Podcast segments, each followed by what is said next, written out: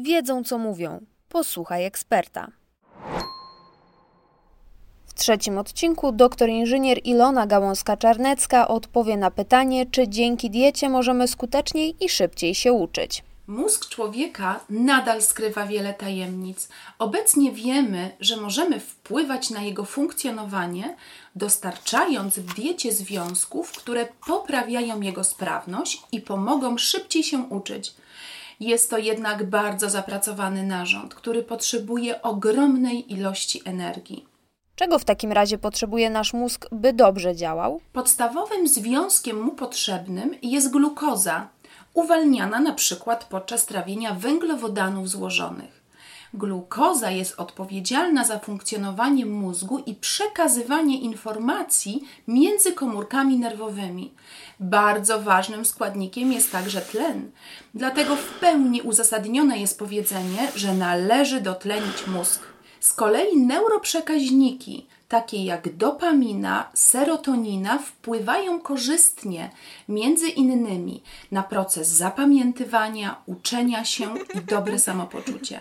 Dopamina jest produkowana w organizmie człowieka z aminokwasów, tyrozyny i fenyloalaniny, których źródłem są rośliny strączkowe, jaja oraz mięso. Warto te produkty łączyć z tymi, które zawierają witaminę C, kwas foliowy oraz niacynę. Serotonina jest także produkowana w jelitach, a więc dieta obfitująca w błonnik pokarmowy będzie dla nas korzystna. Dobrze, a co jeszcze lubi jeść nasz mózg? Warto w diecie pamiętać o dostarczaniu wszystkich składników odżywczych, ale niektóre pomagają w skupieniu i zapamiętywaniu. Jest ją na przykład witamina B3, czyli niacyna. Znajdziemy ją w wielu pokarmach, gdyż występuje zarówno w mięsie, jak i w produktach zbożowych oraz w roślinach liściastych. Uwaga! Osoby, które spożywają duże ilości łakoci, mogą mieć jej niedobory. Ponieważ zapamiętywanie wspomagają niezbędne nienasycone kwasy tłuszczowe, warto spożywać na co dzień oleje, na przykład olej lniany, z wiesiołka, słonecznikowy czy oliwem z oliwek.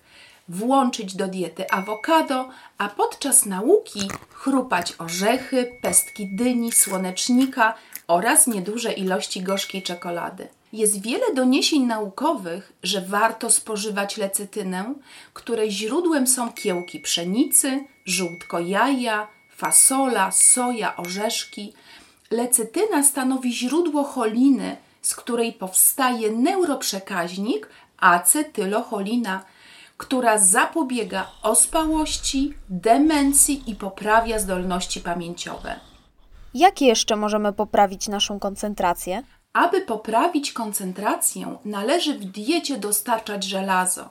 Jego niedobór wręcz upośledza zdolność rozumowania i uczenia się. Aha. Dobrym źródłem tego makroskładnika jest czerwone mięso, ale znajduje się także w zielonych warzywach liściastych, roślinach strączkowych. Jego przyswajanie poprawia się w obecności witaminy C. Doskonale na pamięć działa spożycie owoców jagodowych, borówek, aronii, truskawek, gdyż zawierają one wiele cennych związków bioaktywnych, w tym flawonoidy, które usprawniają komunikację między komórkami i stymulują regenerację neuronów. Co ciekawe, spożycie borówek lub jagód poprawia skupienie i koncentrację, ale dopiero po 120 minutach po ich spożyciu. Można to działanie wypróbować na przykład przed ważnym egzaminem czy podczas popularnego ostatnio zdalnego uczenia się. Udowodniono, że regularne spożywanie tych owoców już po trzech tygodniach poprawia pamięć.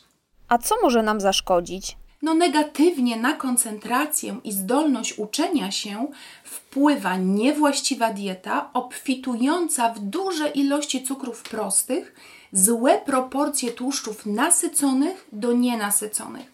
W konsekwencji niedożywienia i niedotlenienia mózg będzie gorzej przetwarzał i przechowywał informacje.